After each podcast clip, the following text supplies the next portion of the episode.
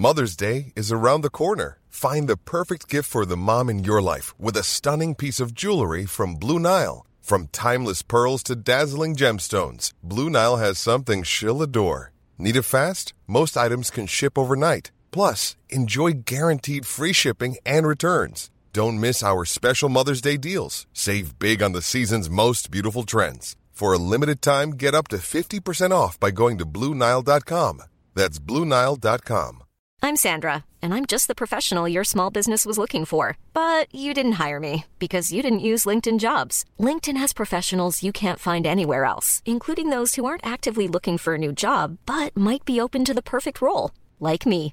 In a given month, over 70% of LinkedIn users don't visit other leading job sites. So if you're not looking on LinkedIn, you'll miss out on great candidates like Sandra. Start hiring professionals like a professional. Post your free job on linkedin.com/people today.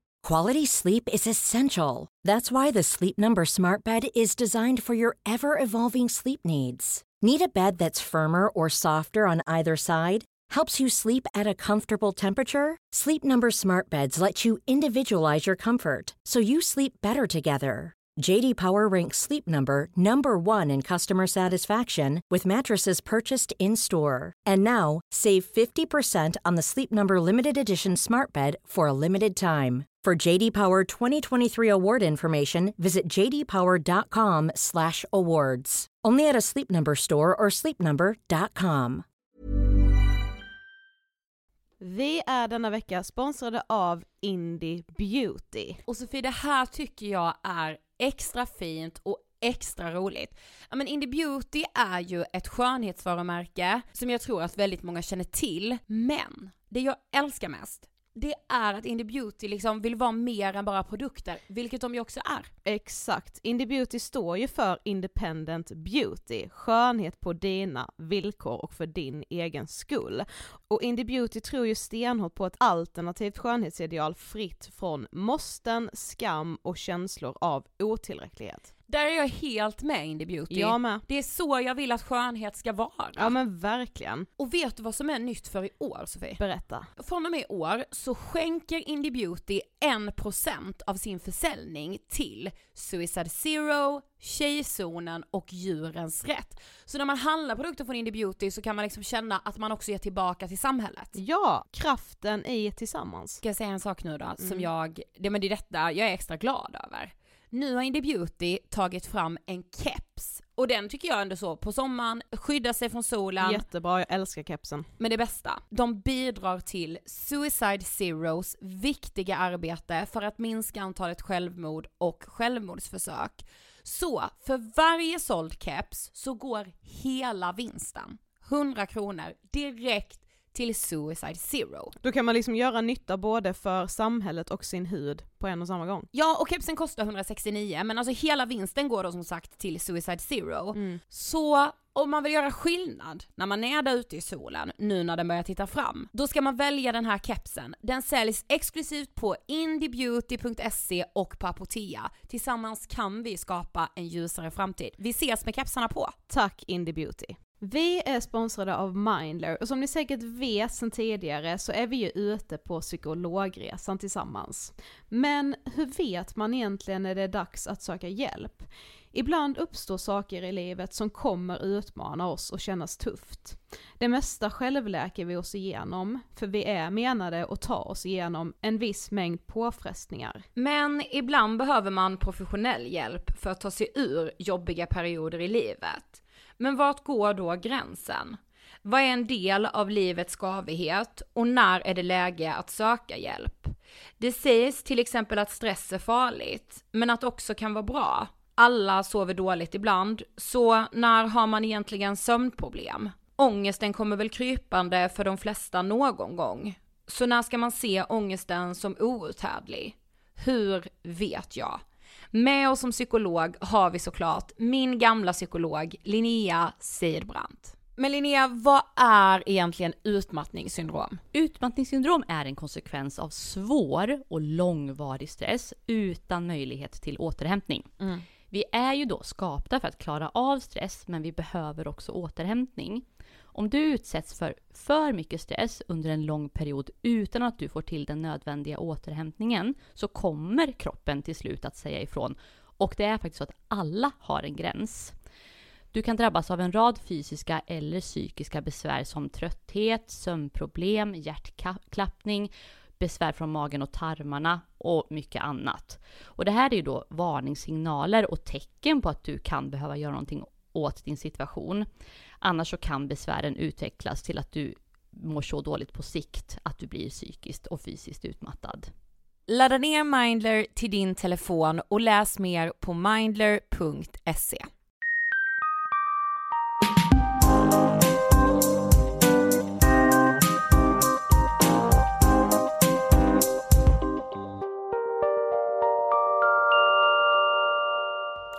Hej på er och hjärtligt välkomna till avsnitt 76 av Ångestpodden! Hej! Hur mår du Sofie?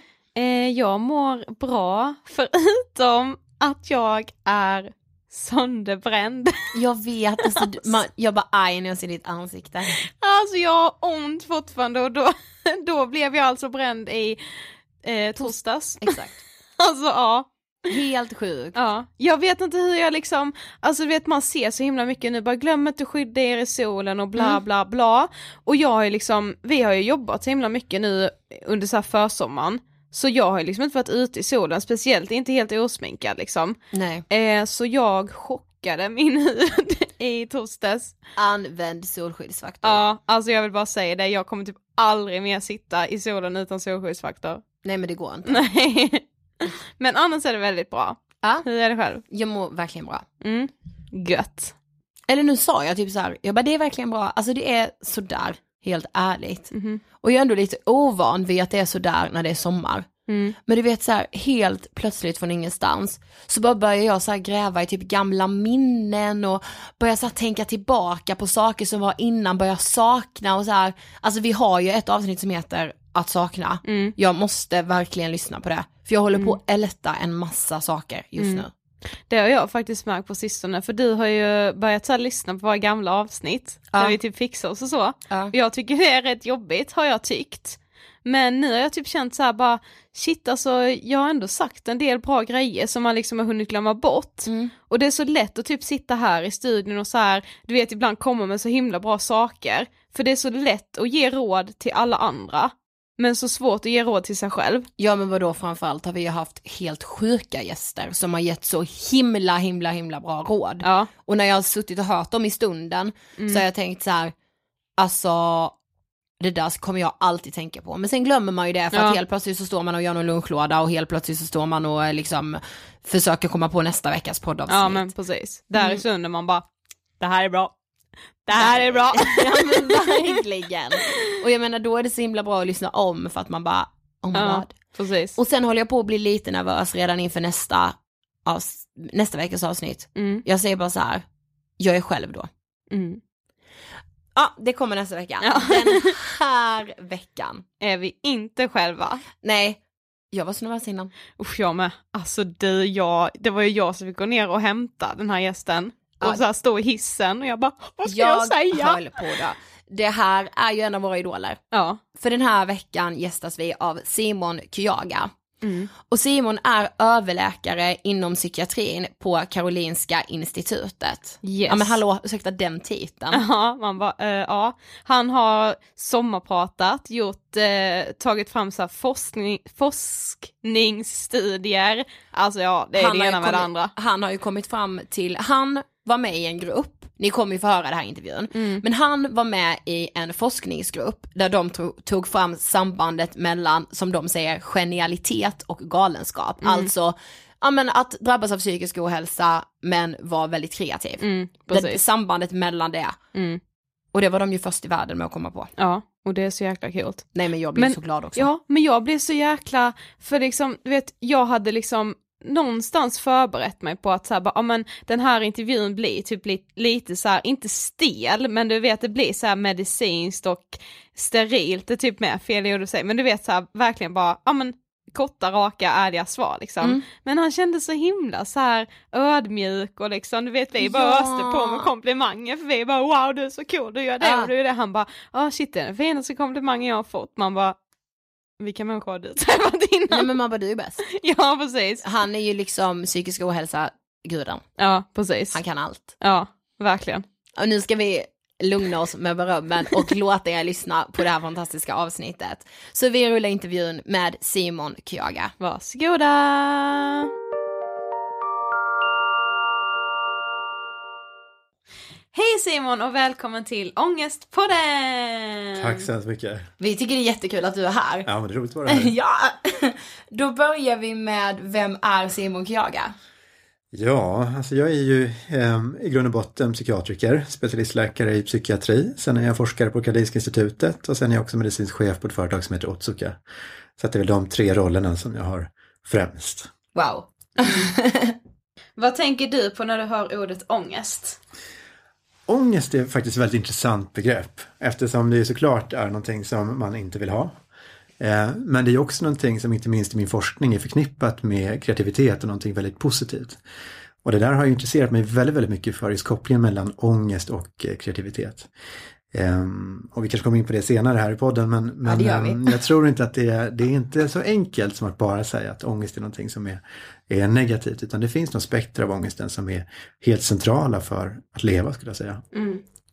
Ja. Eh, ja men som sagt, är du överläkare inom psykiatrin? Eller vad säger man? Specialist? Specialistläkare eller Ja. läkare. Mm. Eh, alltså innan när vi har träffat läkare och så har vi intervjuat en läkare tidigare. Mm. Så har de sagt att man, man vill inte riktigt jobba inom psykiatrin. Eller det är så här inom när man typ utbildar sig till läkare och sådär. Att psykiatrin är lite lägre prioriterad. Mm. Eh, stämmer det? Nej, det stämmer faktiskt inte. Utan eh, om man tittar på de data som finns på läkarstudenter så är det snarare så att man vill jobba i psykiatrin. Till en början. Men sen när man väl börjar testa eh, som kandidat att vara i psykiatrin, då ändrar man sig. Och då vill man inte längre vara i psykiatrin. Så det är någonting som händer när man faktiskt sätter sin fot i psykiatrin som gör att man börjar ändra sig. Och jag har ju själv gått den vägen, jag menar jag är utbildad till psykiatriker och att vara specialist i psykiatri det innebär ju att man arbetar minst fem år som ST-läkare i psykiatri, ganska lång väg faktiskt. Och, eh, jag menar det, den möjlighet som finns i Sverige det är att göra det inom, inom ramen för landstinget. Och jag skulle säga att så som systemet är organiserat idag så premierar det liksom inte riktigt egna initiativ och eget engagemang alla gånger. Jag tror att det är det som ligger bakom faktiskt, att man kanske tappar intresset lite eh, genom tiden. Sen finns det ju för sig olika skäl till att vilja jobba i psykiatrin. Det ena är ju kanske att man vill arbeta kliniskt med personer som lider av psykisk ohälsa och eh, hjälpa. Och det är såklart någonting som driver alla eh, som ändå hänger kvar i psykiatrin under en längre period. Men det är också så att, skulle jag säga, psykiatrin på något sätt har ju det mest spännande forskningen just nu. Det finns ju inget annat område inom medicinen som är så spännande och som är under så oerhört snabb utveckling som när det gäller psykiatrin. Och om man då också tittar på den psykiatriska praktiken, alltså hur det funkar att arbeta kliniskt inom psykiatri, så ser vi ju två saker. Det ena är att vi sitter på en slags tickande bomb. Jag menar som ni såklart känner till så den psykiska ohälsan bland unga ökar ju. Eh, Så att någonting måste vi ju göra. Vi kan liksom inte bara låta det vara som, som det är. Å andra sidan skulle jag säga att det finns nog ingen liksom, medicinsk disciplin där det finns större möjligheter att utveckla det kliniska arbetet. Och det tror jag man behöver göra just tillsammans med patienter men också eh, nära till den ganska snabba utvecklingen och forskning som sker. Så att kunskapsmässigt så händer det enormt mycket, både när det gäller liksom det vi kallar för prekliniska eh, kunskaper, alltså hur det funkar med celler och sådana saker, men också när det gäller utvecklingen av internetpsykiatri och gamification och sådana saker, liksom den tekniska utvecklingen. Det finns väl inget ska jag säga, medicinskt område där den tekniska utvecklingen skulle kunna få så stor betydelse som eh, för just psykiatri. Och det är väl därför som vi har sett att chefen för den största internationella, eller egentligen amerikanska, forskningsorganisationen för eh, liksom, psykiatri och nervvetenskap, han har nu gått till Google och fått ett hemligt jobb på Google. Så att någonting håller ju på att hända. Alla fattar ju att vi är här. Ja men det är verkligen, Gud, vad spännande. det här är the shit liksom. Det låter väldigt positivt, måste jag säga. Men varför blev det psykiatrin för din del då? Ja, men det är också en, en, en bra fråga. Um, jag menar, man vill ju gärna rationalisera och, och efteråt säga att det fanns ett, ett gott skäl till varför det blev så här. Sanningen är den att det var mycket tillfällighet liksom. Mm. Men om man tittar på det jag alltid varit intresserad av så är ju min bakgrund eh, också eh, att min far flydde från Tibet. Eh, så att jag har varit intresserad av buddhismen och buddhismen i sin tur är väldigt intresserad av frågor som har med medvetande och sådana saker att göra. Så att jag hoppade av eh, gymnasiet för att åka till Indien och bli buddhistmunk och så. Sen kom jag för sig tillbaka eh, efter det, insåg att buddhistmunk var inte liksom helt rätt för mig. Det var inte din grej. Det var, ja, alltså inte helt och hållet i alla fall. Det beror ju lite på, det finns ju olika sekter inom Ja. tibetansk buddhism. Och den största Gelugpa som, ja, alltså jag har två farbröder som är tibetanska munkar. Aha. Så, så de är med där. Och eh, då när man går steget till att faktiskt bli tibetansk munk, då måste man eh, följa över 300 regler och jag har alltid haft lite svårt för regler. så det var väldigt många på en gång. så eh, nej, men så att det, eh, det släppte jag. Men, men sen var det väl egentligen så att under min utbildning så liksom utkristalliserades det att, det jag tycker är intressant det är det som har med hjärnan, det som har med liksom mentala funktioner att göra och inte minst det som faktiskt, alltså frågor om vem är vi, varför finns vi till och sådana här frågor. Jag kände att psykiatri var den specialitet när det gällde att vara läkare som hade störst möjlighet att, att eh, erbjuda en liksom, utrymme för att fundera och arbeta med sådana frågor. Mm. Ja, alltså vi, som vi sa innan, vi tycker det är så coolt att du är här och du har liksom blivit lite vår idol. Om vi ser dig någonstans så kollar vi alltid på alla klipp med dig och så här. För du känns ju som den ultimata experten på psykisk ohälsa. Wow! Bland de finare komplimanger jag fått någonsin måste jag säga. Ja, men det ska du veta så är det verkligen. Men vi, du nämnde det lite innan, men vi tänkte att vi skulle börja prata om den mycket uppmärksammade forskningsstudien som du var med i, eller där din, du och din forskargrupp undersökte sambandet mellan kreativitet och psykisk ohälsa. Eh, alltså kan inte du lite kort beskriva den och vad den eh, gick ut på? Ja, alltså frågan handlar ju om eh, det här med genialitet och galenskap. Eh, är det så att det finns ett samband mellan genialitet och galenskap eller är det här bara en myt? Det var ju bakgrunden eh, till det initiativ som vi tog när det gäller att försöka forska på det här. Eh, och jag ska absolut inte ta eh, cred för, för det, utan det var framförallt eh, Mikael och Paul, mina dåvarande handledare, som ville liksom bemöta den här frågan. Jag hade ju turen då att hamna i, i rätt sammanhang kan man säga. Sen har jag såklart arbetat vidare eh, med det här. Då. Men vi utnyttjade det faktiska, alltså det, den, den fantastiska möjligheten vi har i Sverige och i Norden generellt med nationella register för att besvara den här frågan. Så vi undersökte, är det så att personer som har olika former av psykiska sjukdomar och deras släktingar, är det så att de oftare har kreativa yrken? Det var liksom den grundläggande frågan och eh, det kan tyckas elementärt men det har liksom inte gjorts och eh, vi fick ju möjlighet att göra det i ett material som var liksom extremt stort jämfört med det andra hade gjort eh, tidigare. Så vi hittade, ja det beror lite på hur man definierar det här, men flera hundratusen personer ingick i, i den här studien. Så på ett eller annat sätt så kan man säga att hela svenska befolkningen eh, har ingått i den här studien. Antingen som patienter, som släktingar till patienter eller som kontroller eller släktingar till kontroller. Så att det är en väldigt, väldigt stor studie. Och eh, det var väl lite, i kraft av att den var så stor, eh, som den fick ett väldigt stort genomslag faktiskt. Att vi liksom en gång för alla gick igenom det här. Och sen är det ju, eh, som alla sådana här frågor, finns det alltid personer som inte håller med.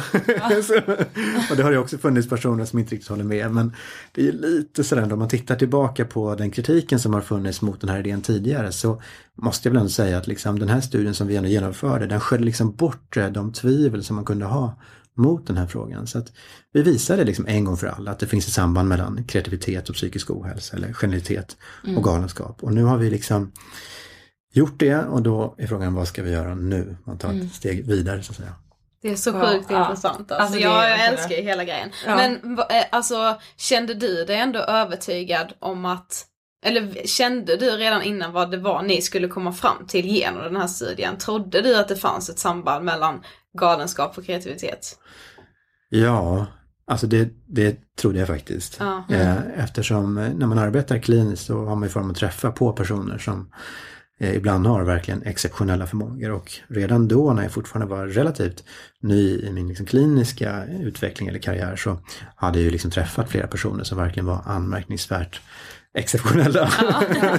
så, så det, alltså det är fantastiskt när man tänker tillbaka på de här personerna och det har blivit så mer och mer faktiskt att jag som jag jobbar kliniskt har förmånen att träffa fler och fler av, av personer som arbetar just kreativt, som har ja. Exceptionella förmågor. Men, men jag skulle nog säga att jag, jag trodde att det var så, eh, men jag ville ta reda på hur det faktiskt var. Eh, å andra sidan så eh, skulle vi säga att Paul i vår grupp, han var lite mer skeptisk. Han tänkte att det här är nog en myt och Mikael vet jag inte riktigt, jag tror nog att han trodde det faktiskt att, att det var så här. Så att Ja. vi gick in i det med öppna ögon skulle jag säga. Ja. Och det är ju det som är så bra att jag menar, dels så var vi en, en grupp där vi alla hade lite olika ingångar. Eh, Vi hade möjlighet till att titta på det här, ett sånt fantastiskt material som, ja men det är helt unikt verkligen i, i, i världen att kunna göra det. Och dessutom då, det är lite en sån forskningsdetalj, men, men de här data samlas ju in eh, liksom innan vi kommer med frågan, prospektivt. Man, de samlas in innan man vet vad frågan ska vara. Ja.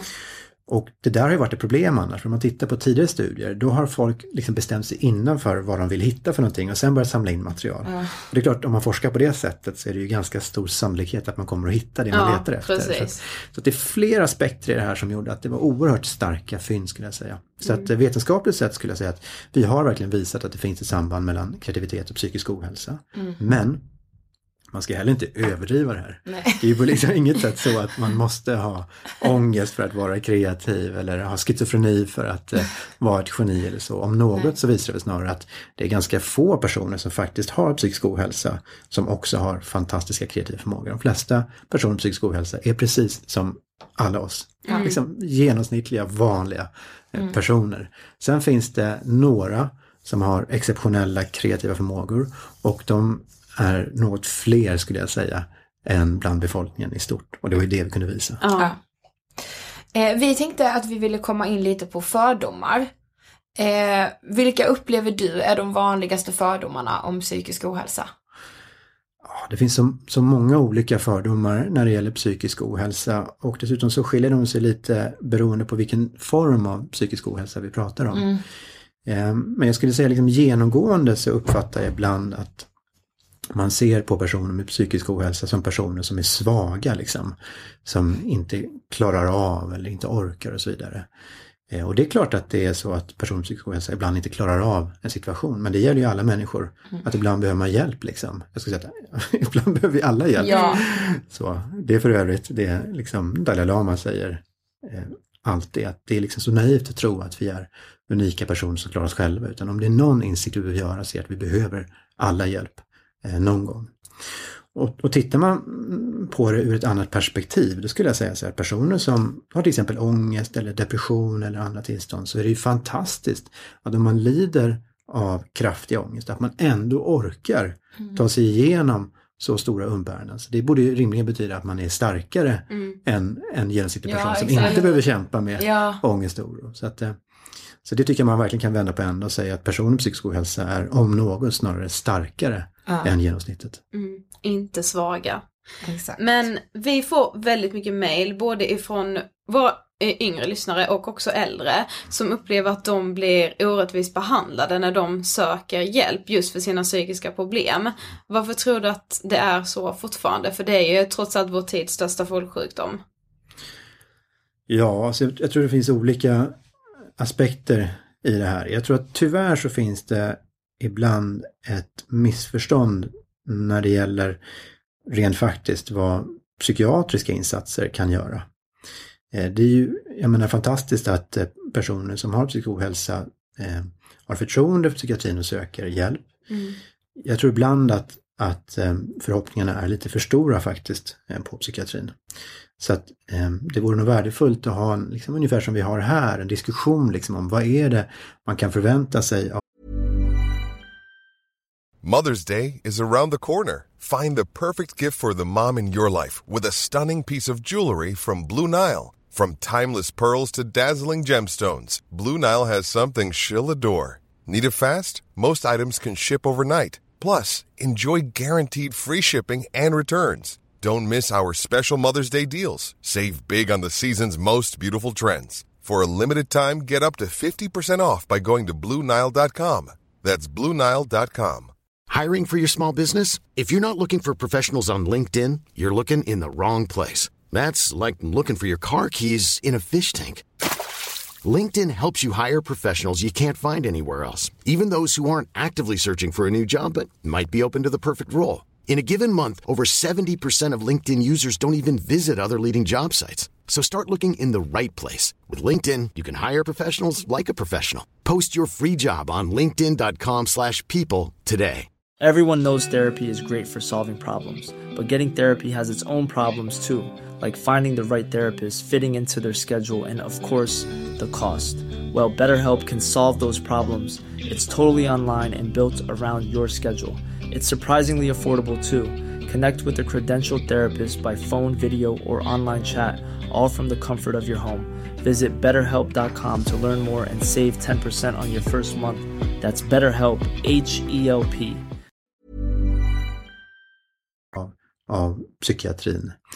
Eh, så. Sen har vi ju redan varit inne på att jag tror att det finns stora möjligheter för psykiatrin som den är organiserad idag att också organiseras bättre. Så att eh, det är väldigt många olika aspekter i det här. Eh, och sen är det såklart om man bara lämnar då psykiatrin och tittar istället på samhället i stort och annan hälso och sjukvård så tror jag att det finns väldigt mycket okunskap. Alltså jag menar, man behöver lära sig mer om vad psykisk ohälsa är för att bättre kunna eh, behandla det och bemöta de personer som söker hjälp för det. Men tror du att det kan finnas fördomar inom vården också? Alltså om man inte är psykiatriker liksom. Kan det finnas fördomar? Ja, Ja, men- visst, ja. absolut. Jag menar, personer som jobbar i vården är precis som alla andra människor Ja. så att det finns fördomar där precis som, som i resten av samhället. Ja, för det är ju så, vi har pratat om det många gånger. Man tänker ju på något sätt när man söker hjälp, att så här, men här finns inga fördomar, här finns ingenting sånt. Men det är ju som du säger, det är ju bara vanliga människor, så egentligen det är klart att det finns. Men ja, vi känner att vi hoppar lite så här från fråga till fråga. Vi måste passa på nu när vi har dig här. Men det känns ju som att den psykiska ohälsan har ökat väldigt mycket de senaste åren. Men tror du det är att den har ökat generellt? Eller är det bara så att alltså mörkertalet har minskat och att fler vågar prata om att de mår dåligt och typ söker hjälp? Nej men om man vill se det positivt, då tror jag att det är som du säger att, eh, jag menar vi pratar här om att det finns eh, liksom intolerans och eh, en del stigma förknippat med psykisk ohälsa. Men om man tittar på det historiskt sett så har det ju ändå minskat ganska radikalt.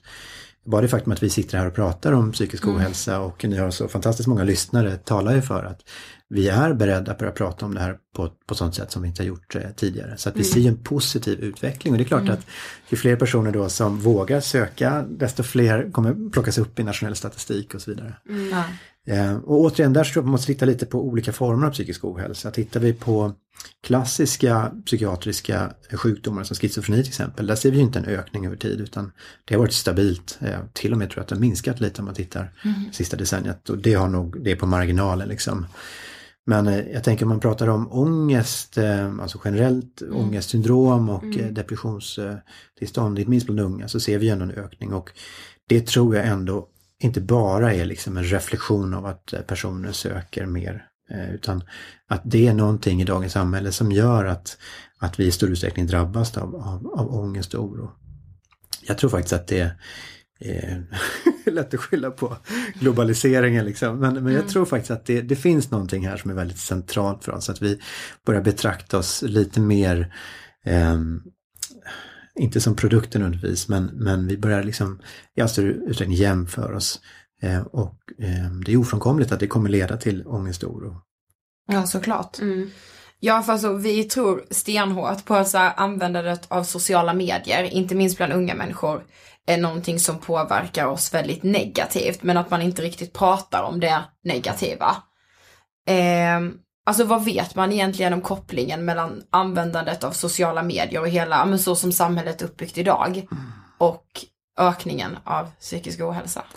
Ja, det där är ju jätteintressant. Jag menar, utan att vara expert på, på just det området skulle jag säga att det är väl rätt tydligt att eh, ökningen är parallell. Eh, Det brukar man ju kalla för liksom ett ekologiskt samband och har ganska vetenskap ganska lågt värde. Men, men det är rätt tydligt att vi ser en, en parallell utveckling. Så, så jag är av åsikten precis som ni att, att det finns negativa aspekter av sociala medier också. Jag har Vi minns jag läst några studier som har kopplat till exempel Facebook-användande i relation till antal vänner, faktiska vänner och, och vilka konsekvenser det får. Så det finns nog empiriskt stöd för att det har konsekvenser för vårt mående. Samtidigt så, så tänker jag att det här är ungefär samma sak som när liksom bokpressen eller kom. det känns jätteobehagligt att nu ska man läsa. så det är klart, all, all teknologisk utveckling kommer ju väcka eh, liksom, oro och eh, få föra med sig en del negativa konsekvenser.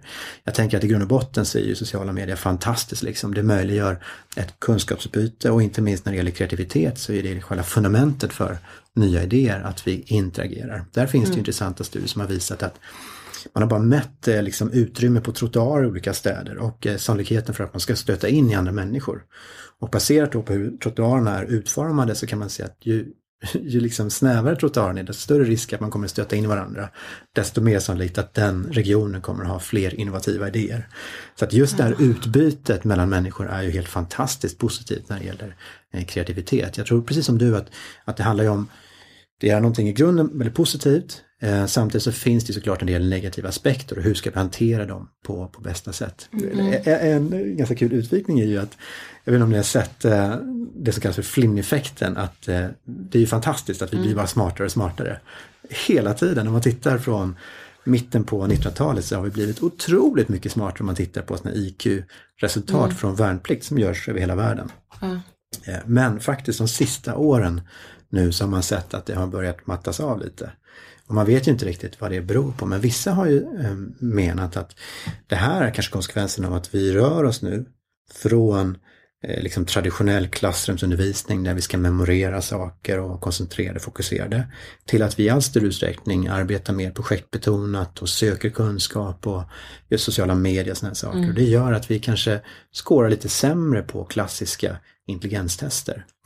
Eh, och då blir folk oroliga förstås, att man tänker att vi blir då dummare och dummare. oh, Men det, det, handlar egentligen bara om hur vi definierar intelligens. Och jag skulle tänka att en person som ägnar timmar varje dag åt sociala medier måste bli otroligt duktig på, på de färdigheter som är förknippade med sociala medier ja, och utvecklar mm. exakt någon form av färdighet alltså, som är... Ja, vi pratade ändå om det igår, alltså det här med just att koppla tillbaka till kreativiteten. Men vår generation, får ju helt sjukt bra redskap till att bli just kreativa. Mm. Mm. Alltså kolla bara så här, alla våra YouTube-stjärnor, vi poddar, alla som bloggar. Det är så här, mm. man, man göds ju med kreativitet hela tiden. Exakt, mm. exakt. Och just den frågan är rätt intressant ur, ur ett liksom kreativitetsforskningsperspektiv. Jag ska säga att bland de mest häftiga debatterna inom kreativitetsforskning. Då kanske i och för sig lite mindre häftigt än just det här med genialitet och galenskap. Men näst, ja. näst, ja. näst het.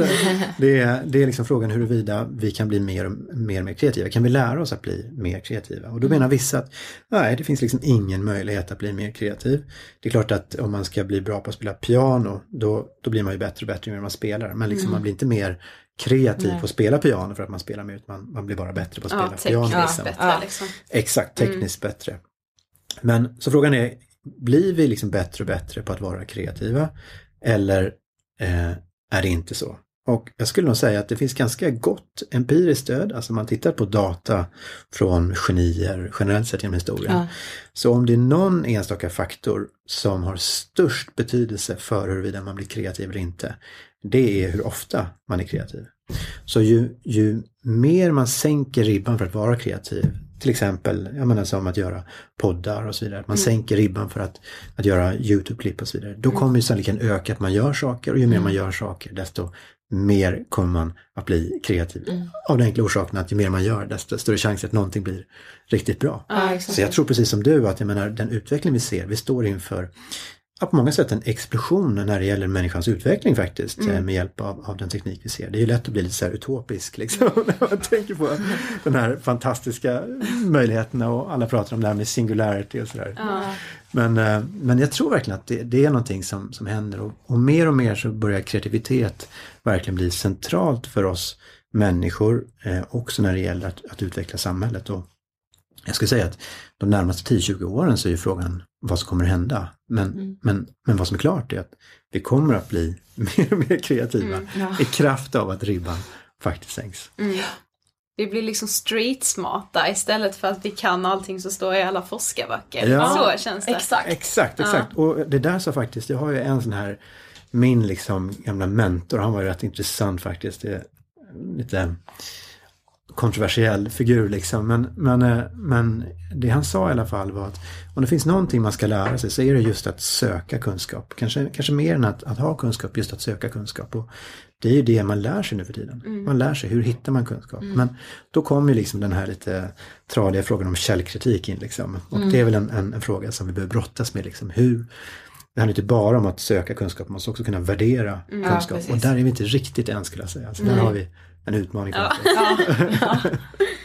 Men vad tror du behöver göras för att man ska bryta tabun kring psykisk ohälsa? Alltså, jag skulle gärna vilja säga att om alla bara pratar om det så, så blir allting bra liksom. Ehm, Det brukar vi alltid Ja, säga. vi säger tänker på det. och jag tror i och för sig att det är en del av lösningen. Att liksom, det är klart att eh, eftersom det är så pass vanligt med psykisk ohälsa, man pratar ju om en fjärdedel, en tredjedel av befolkningen.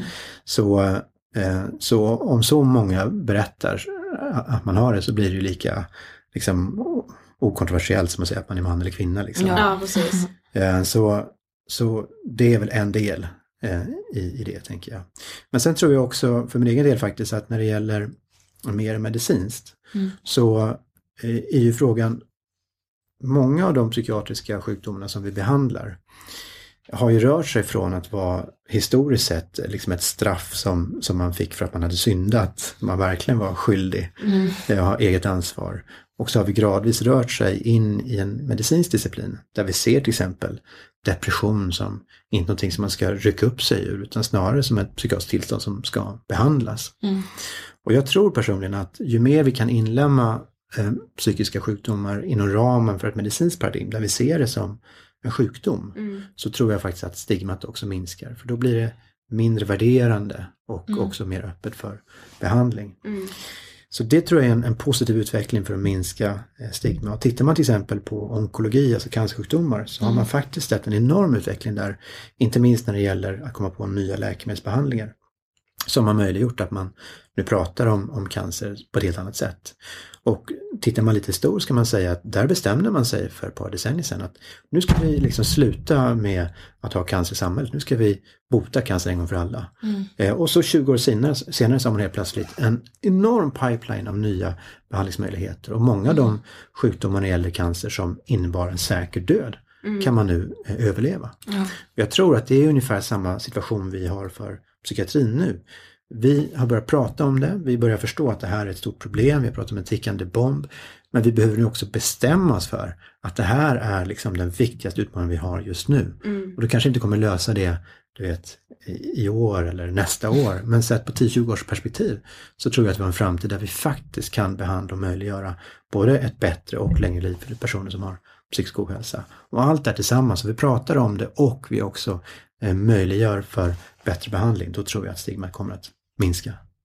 Det låter ju väldigt bra. Ja, jag och Sofie brukar alltid säga det att vi vill att det ska vara så här lika lätt att säga att man ska gå till psykologen som det är att säga att man ska till tandläkaren. Ja visst. Det, liksom, det, känns så här, det känns så rimligt att det ska vara så. Självklart. Och i självklart. skolan ska man kunna säga så här utan att skämmas. Bara, nej men jag kommer inte på engelskan idag för jag ska till min kurator liksom. Precis, Ja. precis. Nej men det hedrar en ju att faktiskt ta, för på något sätt så är det så, om man aktivt vänder sig till en psykolog eller en kurator så innebär det att man tar ansvar för sitt liv. Man vill må bättre, man accepterar inte att ha det på det sättet som man har det. Så att det är återigen ett tecken på styrka, att man vågar möta liksom sina demoner, man ska uttrycka Ja. sig. Och så ska man tänka. Ja, det ska man faktiskt tänka. Ja. Ska man modig och ta ansvar för Ja. eget liv liksom. Ja, gud vad bra. Ja. Ja, vi har kommit fram till sista frågan. Vad inspirerar dig? Eh, nej men det här inspirerar mig. Att sitta här och prata med er som är, jag menar, engagerade. Eh, det tycker jag är, är det viktigaste. Eh, ibland så pratar man ju om att, att eh, vi har tappat engagemang liksom. Och, du vet, med det här samhället är liksom sådär krasst och cyniskt och så. Jag tycker inte alls att det är så. Jag skulle säga att det finns många saker i dagens samhälle som talar för att det vi verkligen drivs av det är engagemang, att vilja förändra, att påverka. Och det, det blir jag inspirerad av.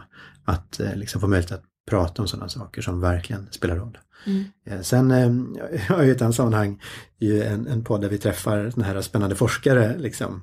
Då får vi säga att det är liksom en ynnest också. såklart. Och få prata med de här personerna som, som jag personligen tycker är fantastiskt spännande. Och de kanske inte nödvändigtvis liksom har ett brinnande engagemang för att förändra världen, men de har ett enormt liksom, starkt engagemang och intresse för det de gör. Och det är ju svårt att inte bli bländad av de här liksom, spännande forskningsresultaten som, som är på gång. Och, och vid de tillfällena får vi också möjlighet att, inte minst offline, prata om saker som inte har publicerats än, liksom, som är på gång och så som man inte riktigt kan prata om än. Så att det känns ju otroligt häftigt alltså. Så att då blir jag inspirerad när jag får eh, prata med personer som er och med personer som dem. Wow. Snygg jämförelse där känner Ja, det gillade jag. Tack så jättemycket för att du ville gästa Ångestpodden. Absolut, tack ska du ha. Ja, vad säger ni? Håller ni med? Nej men alltså jag, jag är så himla stolt och glad för att han har varit gäst hos oss. Ja, jag med. Det är så här, jag kan knappt fatta att jag ska kunna gå in på Ångestpodden i så här podcasterappen och se så här Simon Kjaga gästar. Ja, eller hur? Du vet, vad- det var ändå så här, det sa vi ändå väldigt tidigt, bara tänk att få honom som gäst. Alla bara okej wow de är verkligen fangirls. Ja. Man bara ja men alltså vi står utanför Karolinska ibland och bara Simon! Can we take a fan picture please? Nej det vi gör är vi där inte. just nu. Och vi spelar faktiskt in det här utanför buskarna i Karolinska. Och nu tror jag Simon är på väg.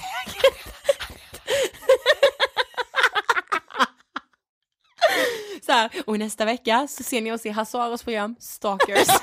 Precis. Okej, Men här, Simon vill ju inte att ni ska vara utanför. men han är ju bäst! Vi tycker han är bäst! Ja. Nej, men... Okej, skämt åsido. Ja. Nej men på riktigt, alltså vi är ju verkligen så här, alltså han är typ vår idol. Mm. Fantastiskt. Och om ni vill, det fin- han har sommarpratat som sagt och ni kan typ youtuba honom så kommer han- massa intervjuer. Och han har ju faktiskt en egen väldigt intressant podcast som heter Psykiatrikerna. Mm. Lite djupare än vår Mm. och sådär, men eh, lyssna in den. Väldigt intressant. Så tack Absolut. Simon för att du ville gästa Ångestpodden. Ja, dags för veckans Hizzly Hizz. Mm. Eh, alltså vet du vad jag vill hissa? Nej. Som jag har sett Nej. mycket av. Mm. Jag vill hissa när andra människor hissar varandra på sociala medier. Förstår du vad jag menar? Ja, alltså, ja, när man... Men Ja men precis, alla tänker såhär, ah, så himla ytlig bransch, så här, bloggvärlden eller så här, podd och eh, ja men allt så här, soci- runt sociala medier. Så jag vill verkligen hissa när man lyfter varandra. Mm. De som är allra bäst på det, det är alla som har YouTube-kanal. Ja, alla youtubers gör ju det hela tiden. Alltså de är bästa familjen, varför är vi inte så i Det poddvärlden? undrar jag också, det har jag sagt till typ alla youtubers jag har träffat, alltså ni känns verkligen som en familj, så inga intriger. Nej. Det kanske det är det, men alltså, ja. Ja men du fattar, och jag Mm. tycker det är så fint så när man ser, nej men alltså när alla så lyfter varandra Mm. i liksom, Man tjänar ju ingenting på att inte göra det. nej, Nej. det är bara, det är så tråkigt. Mm. Eh, Okej, min veckans hiss då. Ja. Som ni vet har ju vi en fantastiskt fin webbshop som heter såklart du, du, du, Ångestshoppen! Och vi har faktiskt fyllt på med ny, en ny omgång med posters för att ni har beställt slut på alla de andra. Ja, precis. Så fortsätt gå in och shoppa loss där. Men veckans hiss skulle jag vilja ge till vårt egna citat faktiskt. Vi ska Ja. räcka fingret till idealet. För det passar väldigt bra in nu på sommaren. Ja, verkligen. Eh, för det är så här, många känner sig kanske lite obekväma att visa sig i bikini, det känns inte jättekul att gå till stranden liksom. Men som vi har sagt i tidigare avsnitt, alltså om det är någon som kollar på dig på ett konstigt sätt och tänker typ att du inte borde vara på stranden med din kropp, då är det inte dig det är fel på, det är dem. Exakt, så vi räcker fingret till idealet. Yes. Bäst jag vet. Ja, jag med. Så jäkla kul att räcka fingret till idealet. Ja men eh, jag känner mig verkligen stark när jag gör det. Ja, jag med. Ja. Eh, det var faktiskt allt vi hade att bjuda på den här veckan. Som Mm. sagt, nästa vecka är jag själv. Vad innebär detta? Det är så himla läskigt. Hur ska så. det gå? Det här är så läskigt på riktigt. Ja, det är det. Då hörs vi nästa vecka. Ha det bäst. Hej då! Love you, hej då!